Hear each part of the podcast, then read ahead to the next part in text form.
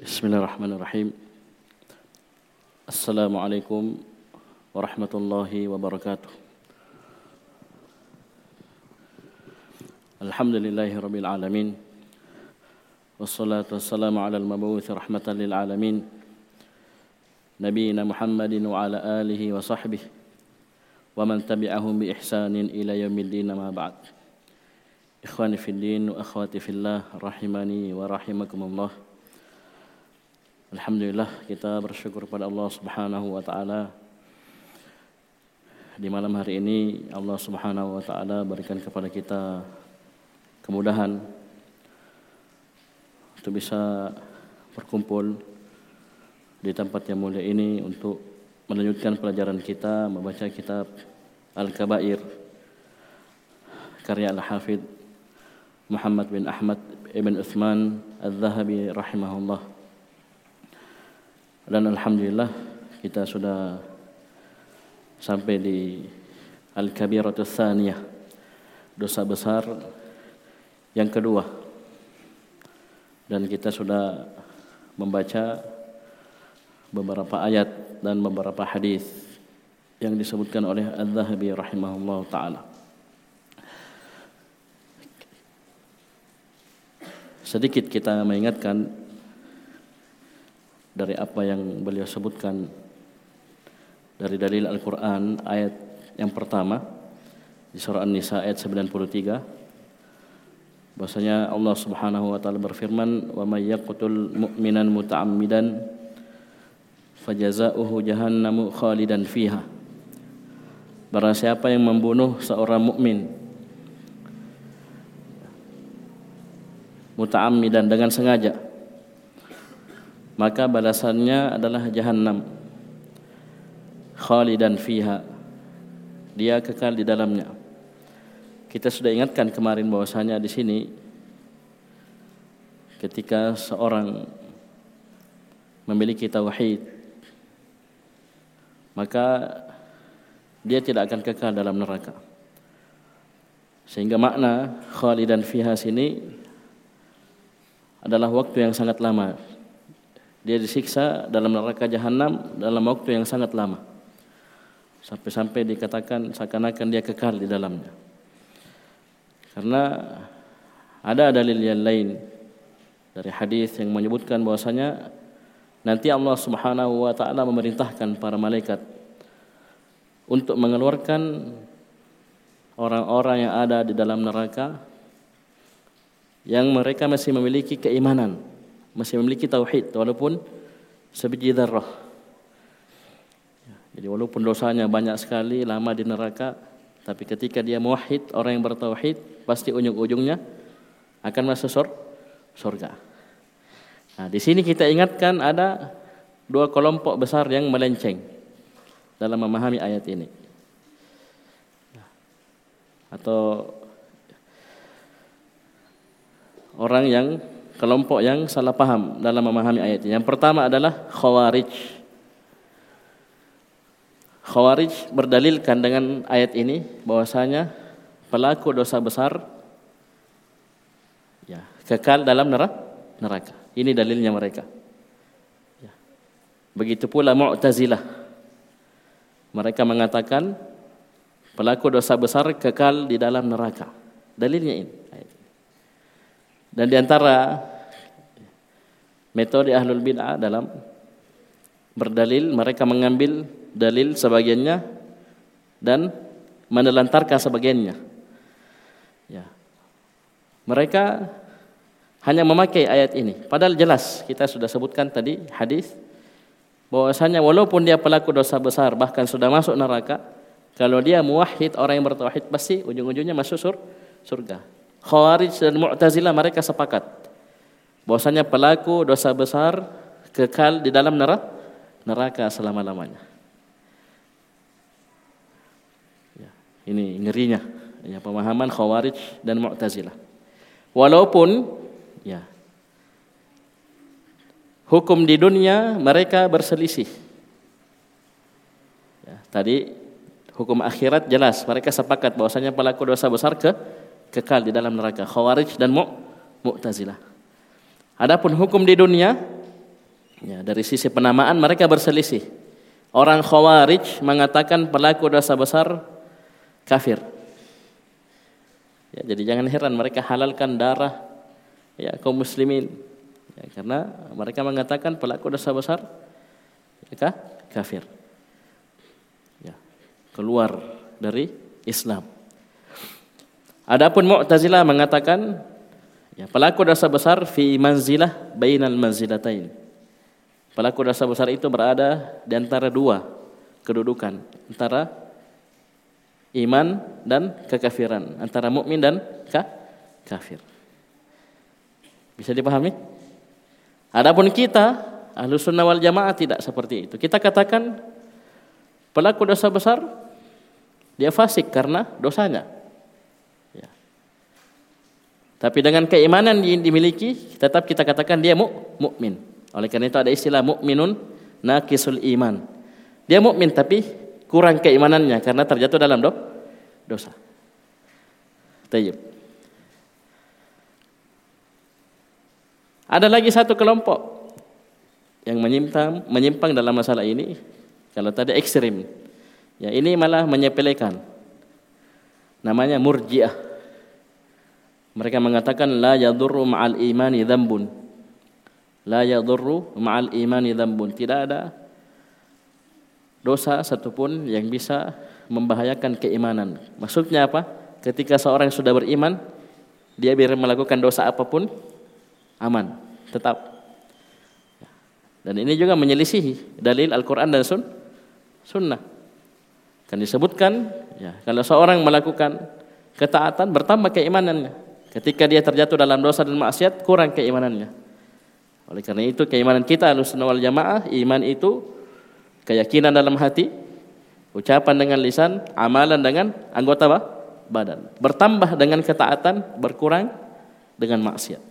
Ya, kalau kita pegang lima ini, insya Allah akan selamat dari dari dua kelompok ya yang menyimpang ini. Satunya menyepelekan, satunya berlebihan. Yang berlebihan tadi dua, Khawarij dan Mu Mu'tazilah.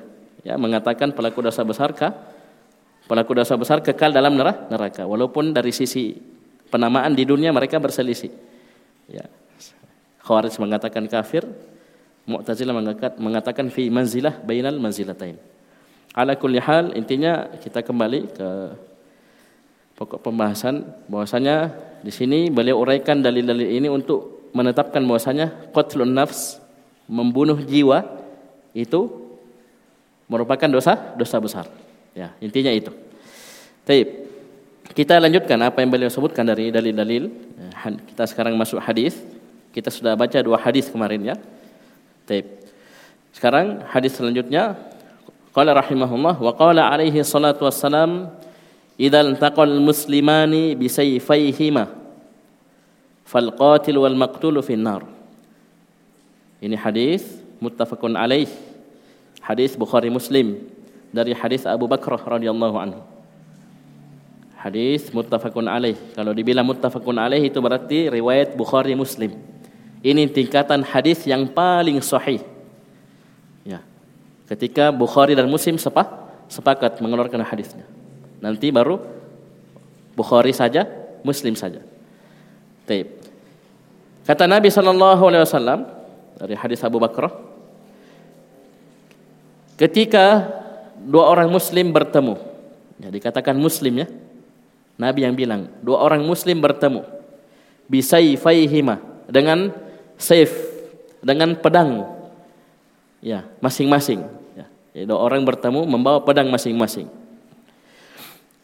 Nabi mengatakan fal qatil fal qatil wal maktulu finnar. Orang yang membunuh dan yang dibunuh tempatnya di neraka di neraka. Para sahabat heran bertanya, "Qila ya Rasulullah, hadzal qatil, fama balul maktul?" Kata para sahabat, "Ya Rasulullah, ini yang membunuh ya. Kita paham. Ya, dia masuk neraka karena membunuh. Lalu kenapa yang dibunuh juga dikatakan fin finnar masuk neraka?" Maka Nabi Shallallahu Alaihi Wasallam jelaskan kenapa yang dibunuh juga masuk neraka. Kala sallallahu alaihi wasallam innahu kana harisan ala qatli sahibih. Karena dia sebelumnya itu memang sudah haris, betul-betul ingin, sangat ingin untuk membunuh lawannya tadi. Ya, cuman kedahuluan dilombai. Ya. Ya. Dia duluan mati. Ya, dia duluan dibunuh. Ya. Bisa dipahami ini hadisnya? Ya, ketika dua orang muslim di sini Nabi Shallallahu Alaihi Wasallam masih mengatakan mereka mus muslim. Ini menunjukkan bahwasanya pendapat Khawarij dan Mu'tazilah ini tertolak. Khawarij bilang pelaku dosa besar kafir, Mu'tazilah bilang fi manzilah bainal manzilatain. Hukum di akhirat mereka sepakat katanya pelaku dosa besar kekal dalam neraka. Di sini Nabi cuma bilang al-qatil wal maktul finnar. Yang membunuh dan yang dibunuh di neraka. Nabi tidak bilang kekal. Ya, ini peringatan keras ya tentang dosa membuh membunuh. Bahkan yang dibunuh saja itu bisa masuk neraka. Padahal dia dibunuh. Gara-gara apa? Innamal a'malu niat. Sungguhnya amal ini tergantung dengan niatnya. Dia niatnya dari awal sudah ingin membunuh lawannya tadi. Tapi terlambat. Dia duluan kena sehingga meninggal. Nabi mengatakan yang membunuh dan yang dibunuh di di dalam neraka. Bisa dipahami? Jadi ini nampak jelas ketika sebuah dosa diancam dengan neraka maka itu adalah kabi kabirah, dosa dosa besar. Cukuplah ayat yang pertama ya kalau kita mau ya menghafal, hafal satu saja dari ayat-ayat ini atau hadis-hadis ini, masya Allah. Jadi sudah cukup bagi kita untuk mengatakan membunuh jiwa yang diharamkan oleh Allah Subhanahu wa taala adalah dosa dosa besar. Ya, pertemuan sebelumnya siapa yang hadir? Antum hadir? Antum? Pertemuan sebelumnya? Kita sebutkan kemarin Ya, ada yang diperkecualikan. Ya, kita kan sudah mengatakan membunuh jiwa itu, jiwa yang diharamkan oleh Allah Subhanahu wa taala itu dosa besar. Tapi ada yang diperkecualikan. Ada berapa? Ti? Tiga yang pertama? Tidak ingat? Hah? Pezina. Jangan bilang pezina saja. Tapi orang yang sudah menikah dengan nikah yang syar'i, kemudian dia berzina. Karena kenapa? Kalau bujang atau dia belum pernah menikah dengan nikah yang syar'i, dia berzina cuma dicam cambuk, tidak boleh dirajam. Yang kedua, membunuh. Jiwa dibalas dengan ji, jiwa, kisos. Yang ketiga, murtad. Ya. Man baddali dinahu faktuluh. Barang siapa yang mengganti agamanya maka bunuhlah dia. Sekali lagi, Tiga-tiganya kita sudah ingatkan pertemuan sebelumnya. Tiga-tiganya ini, ini wewenang pemerintah. Jangan ada orang sota-sota. Eh, ini kamu, kamu sudah menikah, berzina, sini, tanam dia, jangan. Ya, ini urusan pemerintah. Pemerintah. Taib. Kemudian kata beliau, rahimahullah, hadis selanjutnya, waqala alaihi salatu wassalam, Nabi sallallahu alaihi wasallam bersabda ini hadis riwayat Ahmad, Ibnu Majah dan Al-Hakim. Dari sahabat Uqbah bin Amir radhiyallahu anhu. Nabi sallallahu alaihi wasallam bersabda, "La yazalul mar'u fi fushatin min dinih ma lam yatanadda bidamin haramin." Ma lam yatanadda bidamin haramin. Kata Nabi sallallahu alaihi wasallam, seorang la yazalu terus menerus senantiasa fi fushatin min dini itu berada dalam kelapangan dalam agamanya ya, ya lapang. Ya tenang dalam agamanya. Malam yatanadda bidamin haramin. Selama dia tidak terbasahi terpercik dengan darah yang haram. Ini lafaz dalam hadis Uqbah bin Amir. Nanti akan datang riwayat selanjutnya bahasanya yusib. Malam yusib. Daman haraman. Selama dia tidak menimpa darah yang haram. Maksudnya selama dia tidak membu membunuh jiwa yang diharamkan oleh Allah Subhanahu wa taala dia senantiasa dalam kelapangan dalam agamanya Ya, selama dia tidak menyentuh, tidak terkena basahan, ya, percikan darah yang yang haram. Ya. Ini istilah kena percikan atau terbasahi dengan darah yang haram ini keumuman pembunuhan. Tidak semua pembunuhan keluar darahnya ya. Ya, ada orang membunuh dengan cara mencekik, mencekik tidak keluar darahnya. Ya, atau ya cara-cara yang lainnya. Ya, jangan dirinci, tidak bagus. Paham? Jadi tidak harus keluar darahnya. Oh, berarti Ustaz kalau tidak keluar darahnya membunuh aman? Tidak, sama. Ini mimbab at-taglib. Ya. Kebanyakan yang membunuh itu keluar dah darah, tapi ada juga membunuh, tidak mengalir darahnya tidak, tidak keluar darahnya. Ini ancaman keras dari Nabi Shallallahu Alaihi Wasallam. Senantiasa seorang itu berada dalam kelapangan dalam agamanya, selama dia tidak membunuh jiwa yang diharamkan oleh Allah Subhanahu wa taala. Coba lihat orang yang membunuh. Ya. Apakah dikatakan orang lapan dalam agamanya? Dia ketika membunuh sudah terancam kisos. Tuntutan dari wali yang dibu dibunuh. Lapang bagaimana? Oh sudah. Terdesak dia, sempit. Ya. Belum lagi adab di akhirat. Kita sudah sebutkan di ayat An-Nisa, surah An-Nisa.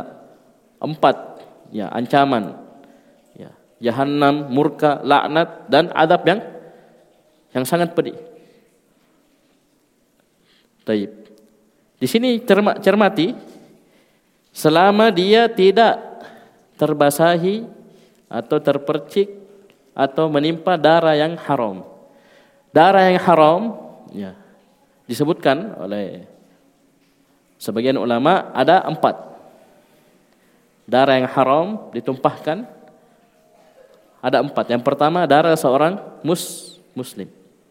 Ini ma'ruf ya. Seorang muslim, seorang mukmin. Ini haram ditumpahkan kecuali dengan pengecualian yang kita sebutkan tadi. Yang kedua, darah kafir zimmi. Kafir zim, zimmi. Kafir yang diizinkan oleh pemerintah muslim untuk tinggal di negara Islam. Ya, tinggal hidup bersama kaum muslimin. Dengan catatan mereka tunduk dengan hukum Islam dan membayar jizyah membayar upeti. Ini yang kedua. Yang ketiga kafir mustakman kafir mustakman tadi kafir zimmi ini kafir mustakman kafir mustakman adalah kafir yang mendapatkan jaminan keamanan dari pemerintah muslim.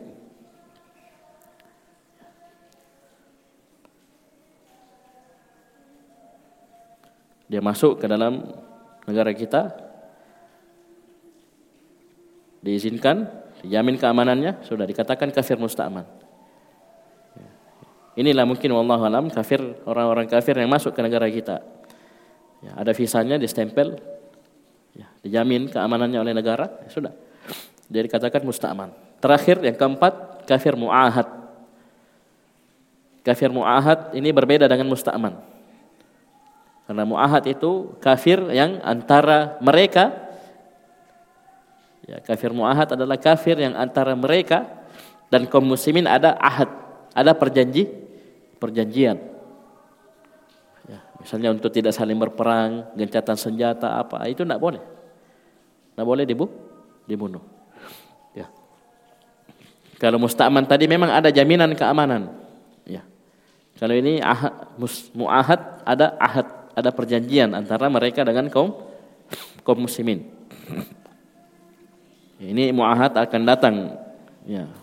Penjelasannya juga barang siapa yang membunuh kafir mu'ahad itu diancam dengan ancaman yang sangat keras. Ya. Nanti di hadis-hadis setelahnya. Ya, ini empat. Ya. Jadi yang pertama darah seorang muslim, mukmin. Yang kedua, kafir zimmi.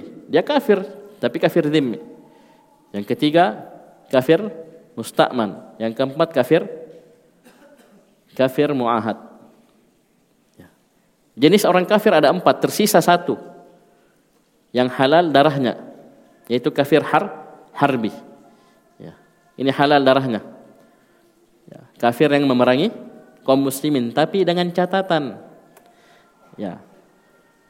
Kita tidak boleh sembarangan ya. memerangi kafir har harbi. Ya. Yang namanya jihad, memerangi kafir harbi itu ada ketentuan dan syarat syaratnya sebagaimana dimaklum dimaklumi. Ya, punya kekuatan di bawah di bawah komando pimpinan kaum muslimin dan memiliki wilayah kekuasa kekuasaan. Kalau tidak ada syaratnya, tidak boleh dia perangi kafir harbi. Walaupun hukum asalnya boleh ditumpahkan darah darahnya. Taib. Ini mengingatkan juga tentang tindakan-tindakan terorisme berupa peledakan, ya, bom bunuh diri. Ya. Sekarang berubah, ya, kadang dengan pedang, dengan ini alat-alat sudah canggih, bukan hanya dengan bom sekarang. Ya, kadang dengan pedang saja, dengan pisau, ya seperti mantan menteri kita Pak Wiranto itu sampai ditusuk perutnya. Naudzubillah. Ya, beberapa waktu yang lalu ya sebelum corona turun dari mobil ditikam perutnya. Tapi alhamdulillah beliau selamatnya. Dia operasi beliau selamat. Ini hadis Uqbah bin Amir radhiyallahu anhu. Lanjut hadis selanjutnya wa qala sallallahu alaihi wasallam La tarji'u ba'di kuffaran. Ini hadis muttafaqun alaih dari sahabat Jarir ibn Abdullah radhiyallahu anhu.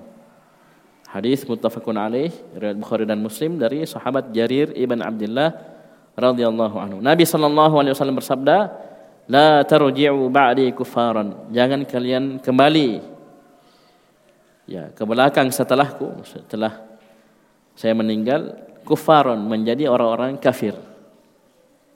Ya, di sini sekali lagi hati-hati memahami. Ini kafir yang dimaksud di sini kufrun duna kufrin. Kufur asgor, bukan kufur ak akbar. Kata Nabi Shallallahu Alaihi Wasallam, jangan kalian kembali setelahku menjadi kufaron. Orang-orang kufur dengan kekufuran asghar. Bagaimana bentuknya?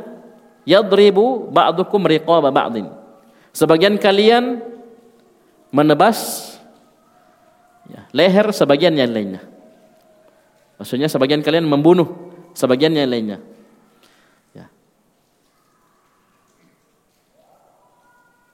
Dan ingat di hadis yang lain Nabi saw sudah menjelaskan sibabul muslimi fusuqun.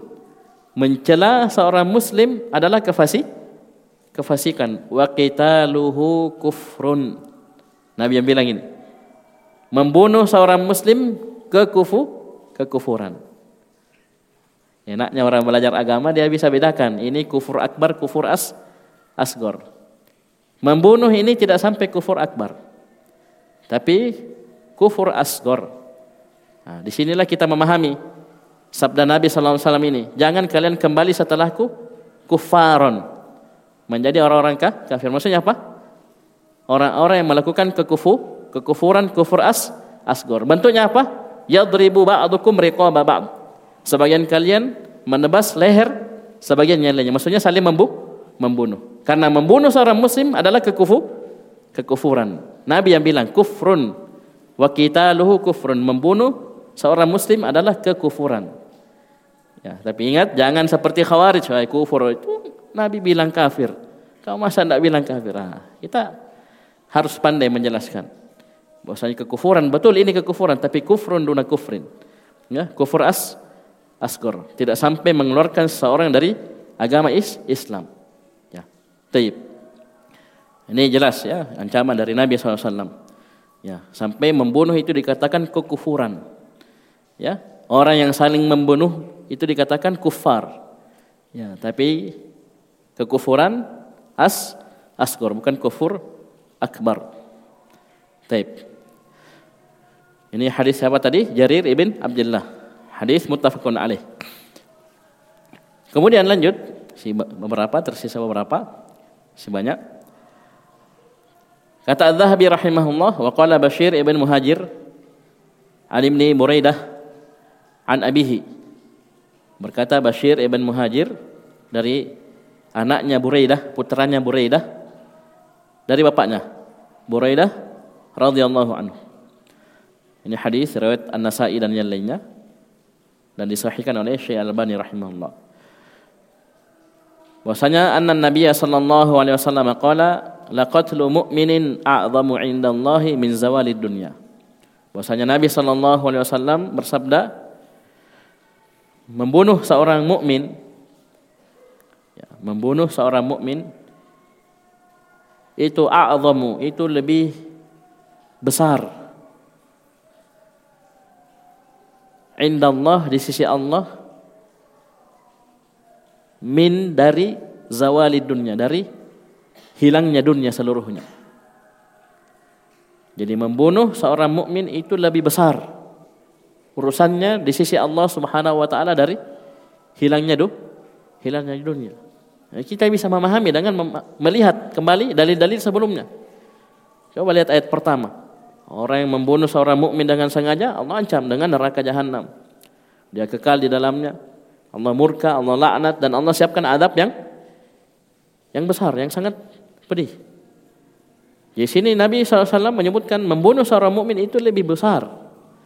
Ya, urusannya di sisi Allah Subhanahu wa taala dari sirnanya du, dunia. Ya, hilangnya du, dunia. Taib. Kemudian kata Az-Zahabi rahimahullah, hadis selanjutnya, wa qala alaihi salatu wassalam, ini hadis riwayat Bukhari dari hadis Ibnu Umar, Abdullah bin Umar bin Al-Khattab radhiyallahu anhuma. Nabi sallallahu alaihi wasallam bersabda, "La yazalul mar'u fi fushatin min dinihi ma lam yusib daman haraman." Ini mirip lafadznya dengan yang tadi. Ini yang kita bilang. Kalau yang tadi hadis Uqbah ibn Amir. Ini hadis lebih sahih karena riwayat Bukhari. Riwayat Bukhari dari hadis Abdullah bin Umar ibn Khattab radhiyallahu anhu. Nabi sallallahu alaihi wasallam bersabda, maknanya mirip, seorang hamba senantiasa dalam fushah, dalam kelapangan pada agamanya selama dia tidak menyentuh menimpa darah yang diharam diharamkan, daman haraman. Kita sudah sebutkan tadi darah yang diharamkan ada ada empat. Darah seorang mukmin muslim, kafir dhimmi, kafir mustakman dan kafir muahad. Kafir muah muahad. Taib. Kemudian kata Az-Zahabi rahimahullah wa qala alaihi salatu wassalam. Dan Nabi sallallahu alaihi wasallam bersabda ini hadis riwayat Bukhari hadis atau hadis riwayat muttafaqun alaih ya afan hadis muttafaqun alaih hadis riwayat Bukhari dan Muslim dari hadis dari sahabat Abdullah bin Mas'ud Abdullah ibu ibnu Mas'ud Nabi sallallahu alaihi wasallam bersabda awwalu awwalu ma yuqda bainan nasi fid dima.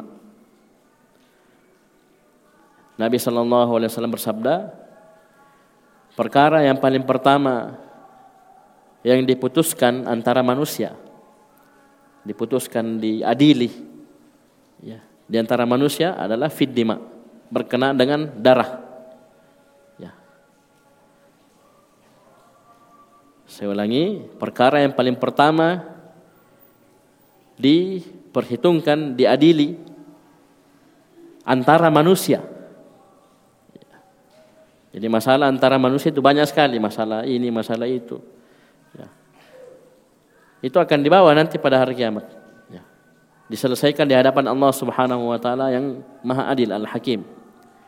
Yang paling pertama diselesaikan diadili antara manusia adalah fit dima berkenaan dengan dah dengan darah. Ini tidak bertentangan dengan hadis awwalu ma yuhasabu bihil abdu yaumal qiyamati as-salah.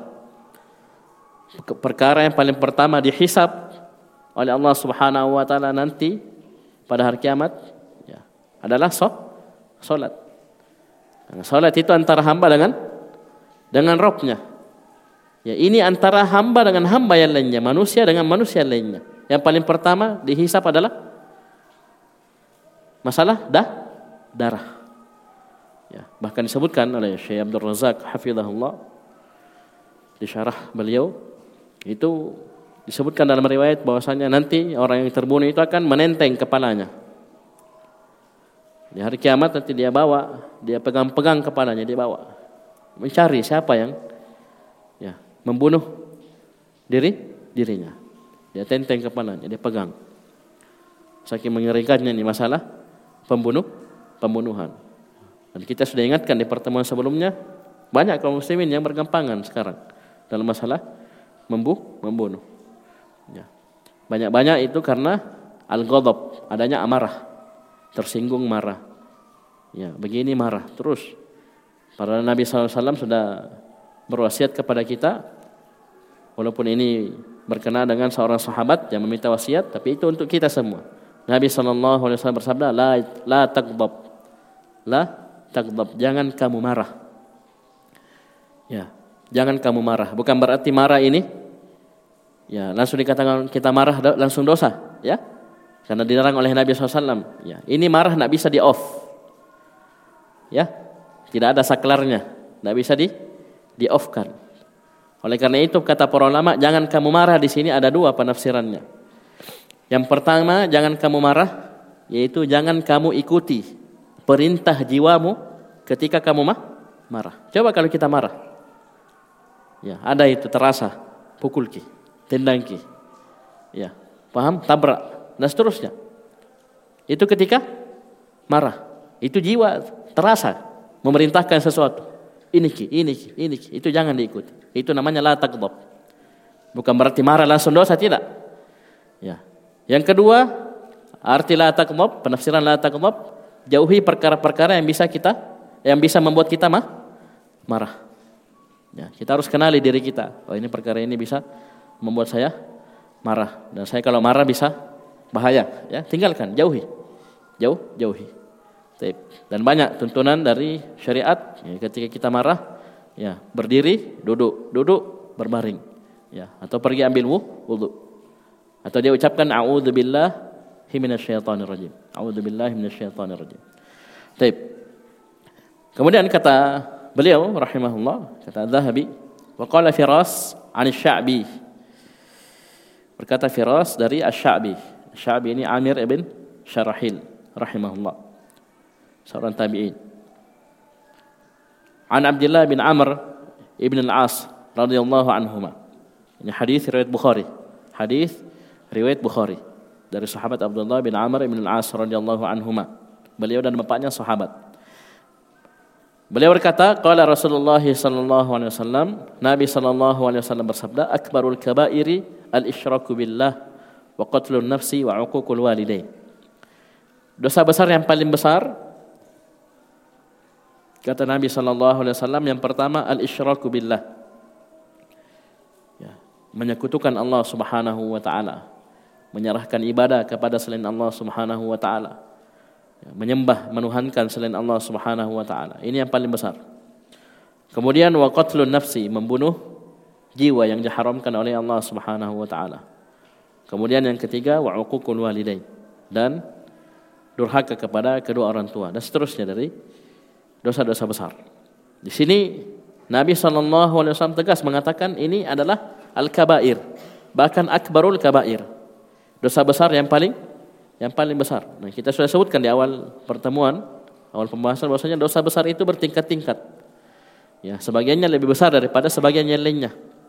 Oleh karena itu ada dikatakan akbarul kabair, ya dosa besar yang paling yang paling besar. Sama-sama besar, tapi ada yang lebih besar. Ada yang paling besar. Ada yang paling besar. Itu kesyirik, kesyirikan. Menyerahkan ibadah kepada selain Allah Subhanahu wa taala. Dan Az-Zahabi rahimahullah dan antara fikih beliau beliau meletakkan ya asyirik ini sebagai dosa besar yang pertama pertama di kitab Al-Kabair ini. Kemudian kata beliau rahimahullah, qala hadatsana Humaid ibn Hilal, qala akhbarana qala akhbarana Nasr ibn Asim, qala akhbarana Uqbah ibn Malik radhiyallahu anhu anin Nabi sallallahu alaihi wasallam annahu qala Ini hadis riwayat Ibnu Abi Syaibah, An-Nasa'i dan Ahmad. Dari sahabat Uqbah bin Malik, Uqbah bin Malik radhiyallahu anhu. Bahwasanya Nabi sallallahu alaihi wasallam bersabda, "Inna Allah aba alayya man qatala mu'minan." Qalaha thalathan. Ya, wa hadha ala syarti muslimin. Nabi Shallallahu Alaihi Wasallam bersabda, sungguhnya Allah Subhanahu Wa Taala enggan terhadapku bagi orang yang membunuh seorang mukmin. Nabi ucapkan ini tiga kali. Kata Zahabi ini di atas syarat Muslim. Ini hadis ini ada kisahnya, ada kisah yang panjang. Singkat cerita, Nabi Wasallam pernah mengutus sebuah syariah pasukan kecil untuk menghadapi musuh orang kafir. Pada suatu ketika orang kafir ini terkepung, ya diserang, terkepung. Ada satu yang yang lolos, yang ditangkap ya oleh kaum muslimin, pasukan kecil tersebut. Ketika ditangkap, ya, tidak dapat ditangkap, itu dia bilang saya mus muslim. Disebutkan di penjelasan bahwasanya dia mengucapkan syahadat. Pas ditangkap itu langsung mengucapkan syah, syahadat. Asyhadu an la ilaha illallah wa asyhadu anna Rasulullah. Tapi sahabat ini tetap membunuh orang tersebut.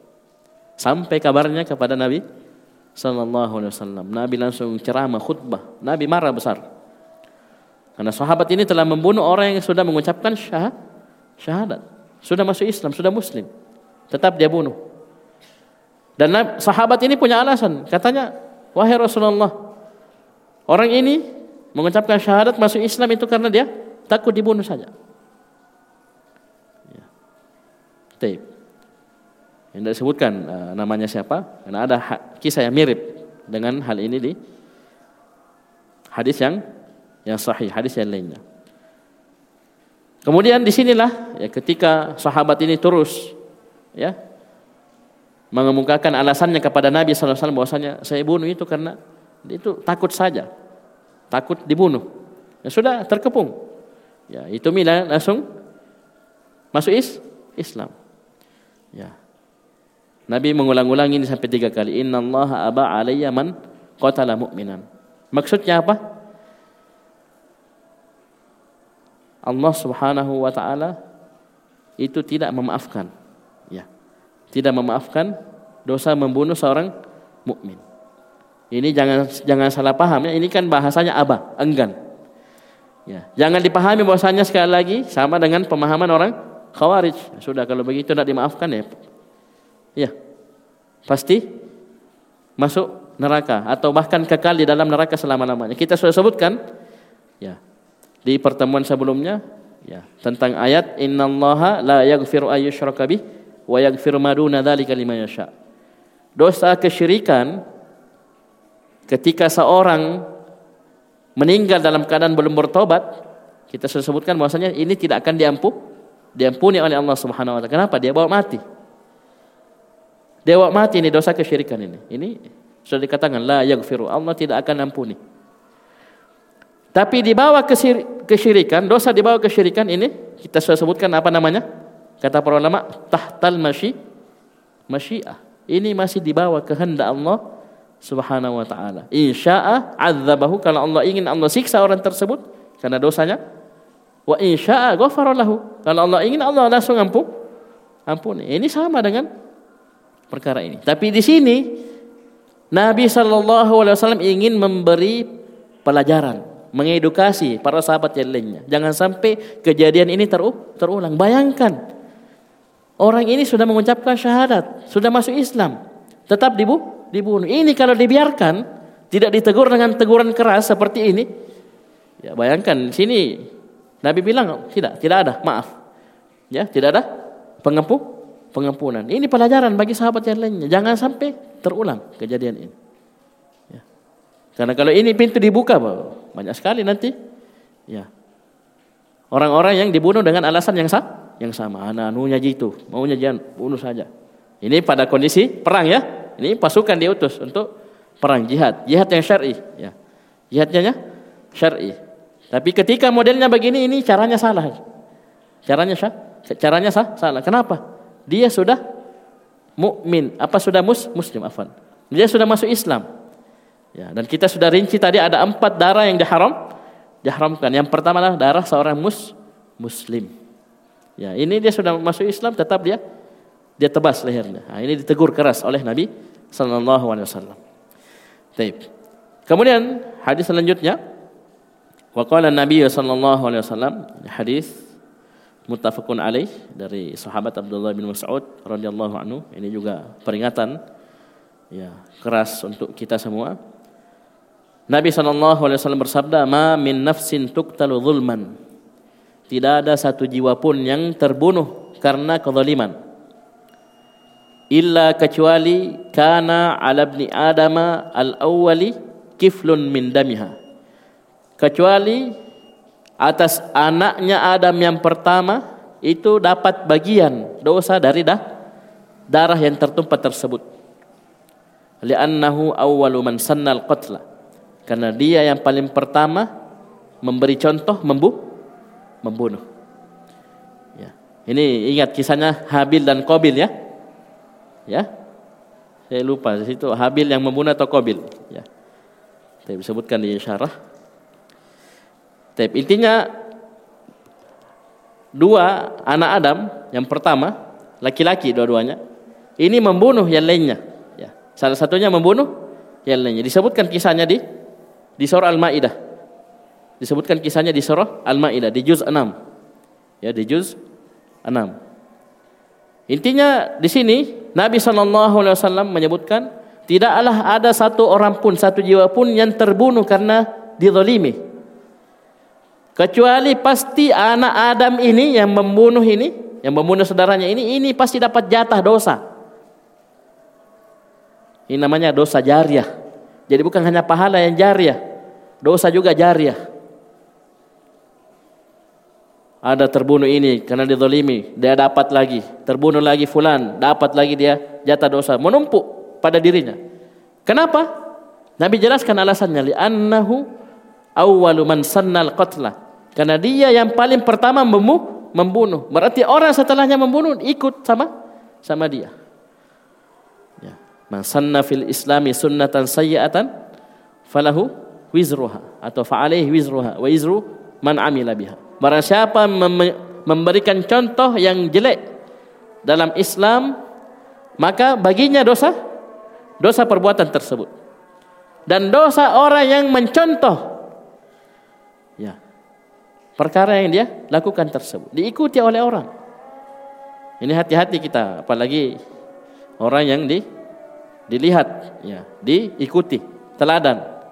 Kapan salah-salah, dia contoh kasih contoh yang tidak bagus, diikuti sama orang, dia dapat do, dapat dosa. Apalagi bukan hanya sekedar memberi contoh teladan, diajari, diajarkan kesyirikan, bid'ah, maksiat diajari, oh begini caranya, begini, begini, begini. Orang amalkan, dapat dia dosa. Dosa jariah. Dosa dosa jariah. Nauzubillah. Taib. Ada dulu mungkin. Taib, ini hadis Ibnu Mas'ud radhiyallahu anhu ya, muttafaqun alaih. Yang berkenaan dengan anak Adam yang paling pertama membunuh. Disebutkan namanya oleh Syekh Abdul Razak hafizahullah namanya Qabil ya. Qabil membunuh saudaranya Habil. Ya, Qabil ini yang paling pertama, orang yang paling pertama membuh, membunuh. Jadi setiap ada orang yang membunuh setelahnya, sampai zaman ini, sampai hari kiamat, itu dia dapat jatah. Do, dosa dari pembunuhan tersebut. Kenapa? Karena dia yang paling pertama memberi contoh membunuh.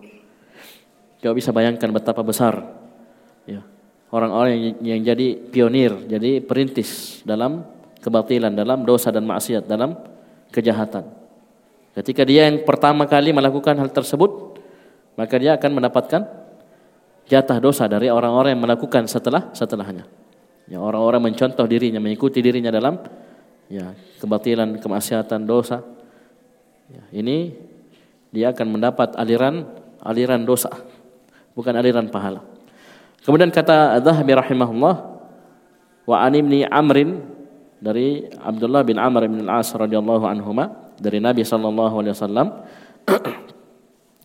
Beliau berkata man qatala muahadan barang siapa yang membunuh kafir muahad. Ya, kafir yang antara mereka dan kaum muslimin ada ahad ada perjanjian. Maka ancamannya kata Nabi SAW lam yarah raihatal jannah dia tidak akan mencium baunya surga wa inna rihaha yujadu min masirati arba'ina aman Padahal baunya surga itu itu bisa dicium dari jarak 40 tahun. Perjalanan 40 tahun.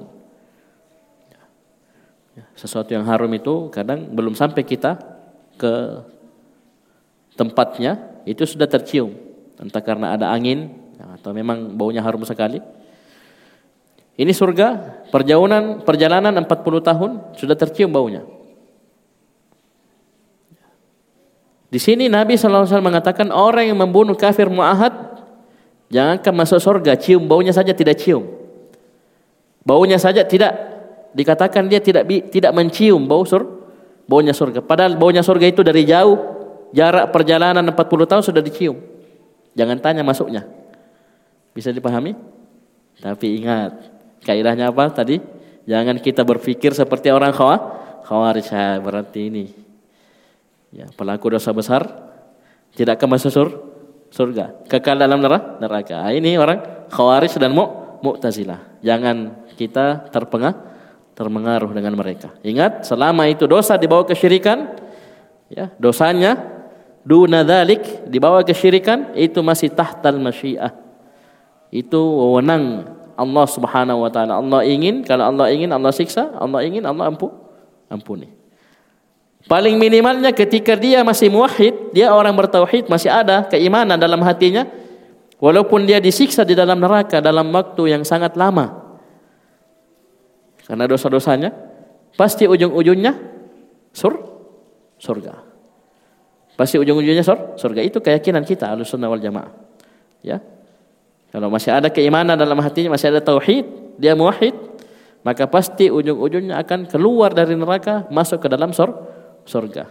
Itu neraka. Adapun surga tidak ada istilah kelu keluar. Satu kali masuk surga tidak akan keluar selama-lamanya.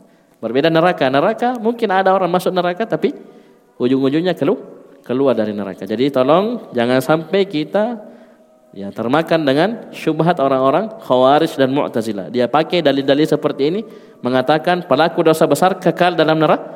Neraka, ya, kekal dalam neraka. Ini pemahaman yang menyimpang. Taib ini hadis riwayat Bukhari dan An-Nasai, Ibnu Majah, Ahmad dan selainnya. Hadis sahih ya. Hadis riwayat Bukhari, An-Nasai, Ibnu Majah, Ahmad dan yang lainnya. Hadis Abdullah bin Amr Ibn Al-As radhiyallahu anhuma.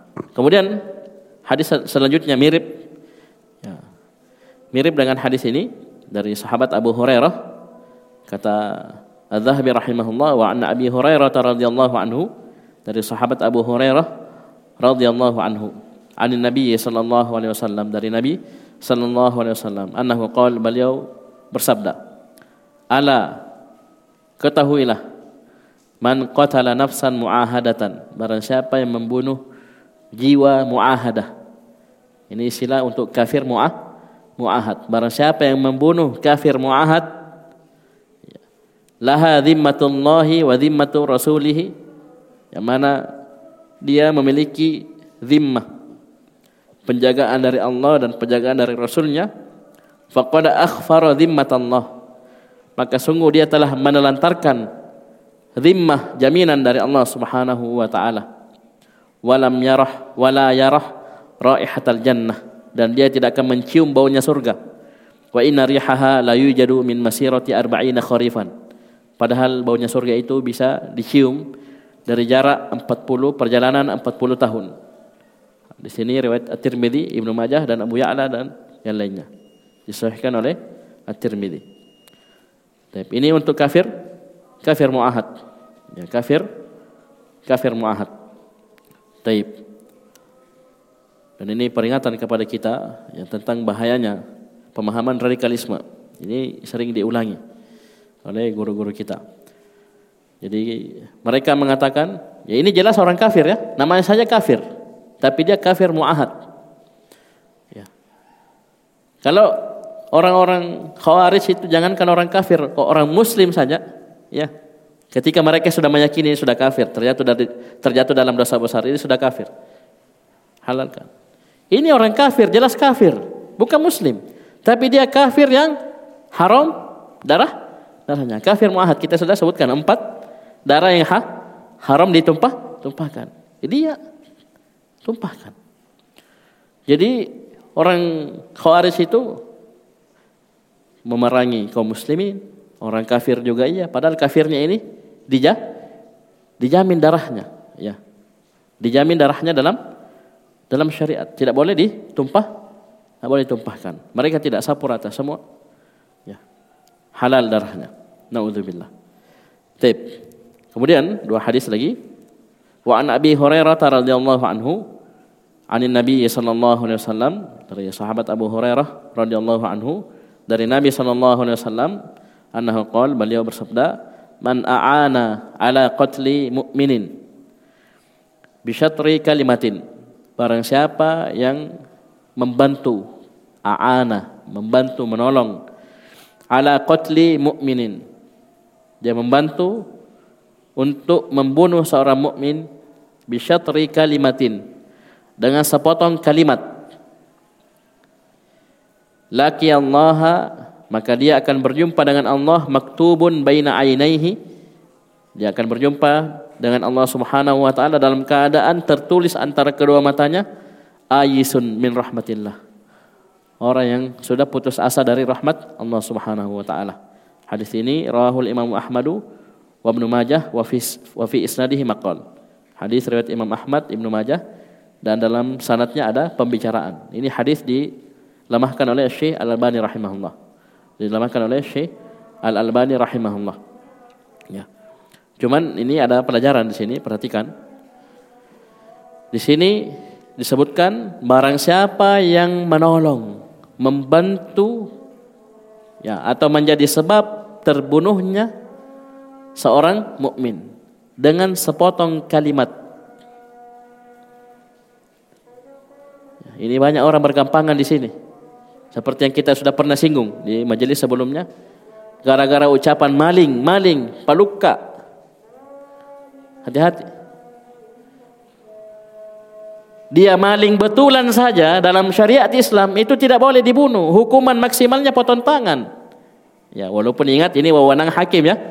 Wewenang hakim memerintah walaupun dia mungkin mencuri tapi ada pertimbangan dari hakim dibunuh atau apa itu tapi dalam syariat Islam ketika sampai seperempat dinar dan seterusnya dari syarat-syarat yang dibahas dalam buku-buku fikih, dia berhak mendapat hukuman potong tangan. Itu pun tangannya satu saja dipotong, bukan dua-duanya.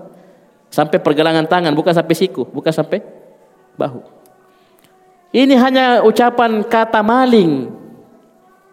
Ini bisa menyebabkan jiwa seorang muslim malah melayang, tertumpah darahnya. Hati-hati. Jangan sembarang sembarang ngomong. Ya. Dan ini terjadi banyak sudah. Ya. Dan itu kebiasaan buruk, main hakim sendiri, main masa. Ya. Kewajiban kita kalau ada yang seperti itu serahkan kepada pihak yang berwajib. Kalau kita bisa lumpuhkan, lumpuhkan dalam artian kita tangkap, ikat tangannya, ikat kakinya. Ya. Kemudian serahkan ke pihak yang berwenang, aparat Bukan dihakimi, dibunuh. Itu yang bunuh, yang pukul kepalanya, yang lempari batu dan seterusnya itu semua dapat jatah. Dosa membunuh, membunuh. Nauzubillah. Padahal cuman karena satu kalimat maling. Paluka maling. Dijarki. Nauzubillah. Hati-hati ya. Walaupun ini hadis dilemahkan tapi kita ambil pelajaran dari bahayanya lisan. Ya, Kadang dengan satu kalimat yang terlontar dari lisan kita yang tidak ada tabayun sebelumnya, ya.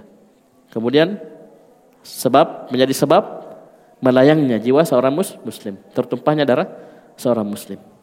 Taib. Kemudian yang terakhir, hadis yang terakhir yang beliau sebutkan, wa an Muawiyah, dari sahabat Muawiyah radhiyallahu anhu, Muawiyah bin Abi Sufyan. Ya, ini hadis riwayat An-Nasa'i, Ahmad At-Tabrani dan disahihkan oleh Syekh Al-Albani rahimahullah. Beliau berkata, "Sami'tu Rasulullah sallallahu alaihi wasallam yaqul, aku mendengar Nabi sallallahu alaihi wasallam bersabda, "Kullu dzambin asallahu ay yaghfirah." Semua dosa itu pasti Allah Subhanahu wa taala akan ampuni. Ya, kita sudah sebutkan ini kapan? Ketika seorang bertob bertobat atas dosanya. Karena Allah sudah jamin yang yaghfiru dzunuba jami'an. Ayat di surah Zumar. Sungguhnya Allah mengampuni dosa Semuanya, seluruhnya. Ustaz, kesyirikan, kekafiran juga diampuni. Ketika bertobat, bertobat. Dengan catatan apa? Taubatan nasuh, nasuh. Kita sudah sebutkan lima syarat, lima syaratnya. Ditambah enam ketika berhubungan, dosanya berhubungan dengan hak hak manusia. Itu sudah ada di pertemuan yang yang sebelumnya. Jadi semua dosa itu Allah Subhanahu wa taala akan ampuni. Illa kecuali ar-rajulu yamutu kafiran. Kecuali orang yang meninggal dalam keadaan kafir. Satu. Awir rajulu yaktulu mu'minan muta'ammidan atau seorang yang membunuh seorang mukmin dengan sengaja. Ya, bayangkan disejajarkan dengan orang yang meninggal dalam keadaan kafir. Itu membunuh seorang mukmin dengan sengaja. Akhrajahu Nasa'i. Hadis ini dikeluarkan oleh Imam An-Nasa'i rahimahullah dan yang lainnya. Ini jangan dipahami berarti sudah orang yang membunuh seorang mukmin dengan sengaja juga kafir juga, tidak. Nah, sekali lagi kita bawa pemahamannya kepada pemahaman yang kita sudah sebutkan bahwasanya dari dalil seperti ini jangan kita katakan pelaku dosa besar itu kafir. Ya. Dia meninggal dalam keadaan kafir ketika tidak bertobat sebelum dia meninggal. Ya, nanti di akhirat kekal dalam neraka karena ini penyimpangan penyimpangan, pemahaman yang menyimpang dalam agama agama. Ya, karena ingat dosa dibawa kesyirikan itu tahtal masyiah, dibawa kehendak Allah Subhanahu wa taala. Ketika Allah inginkan, Allah ampuni langsung ya, tanpa ada taubat sebelumnya. Dan ketika Allah inginkan, Allah siksa. Ya, itu pun disiksa ketika masih ada tauhid dalam hatinya, maka dia pasti akan keluar dari neraka dan dimasukkan ke dalam sur surga. Ya, berakhirlah ya pembahasan tentang dosa besar yang yang kedua yaitu membunuh ji, jiwa. Insyaallah pertemuan setelahnya kita akan masuk ya dosa besar yang ketiga al-kabiratus salisah yaitu as-sihr. Ya si sihir. Dan ini juga tidak tanggung-tanggung ini sihir. Ini di antara bentuknya itu kekafiran. Ya, kekafiran. Nanti kita akan bahas di pertemuan selanjutnya insyaallah taala. Sekian Subhanakallahumma bihamdika asyhadu an la ilaha illa anta astaghfiruka wa atubu ilaik. Wassalamualaikum warahmatullahi wabarakatuh.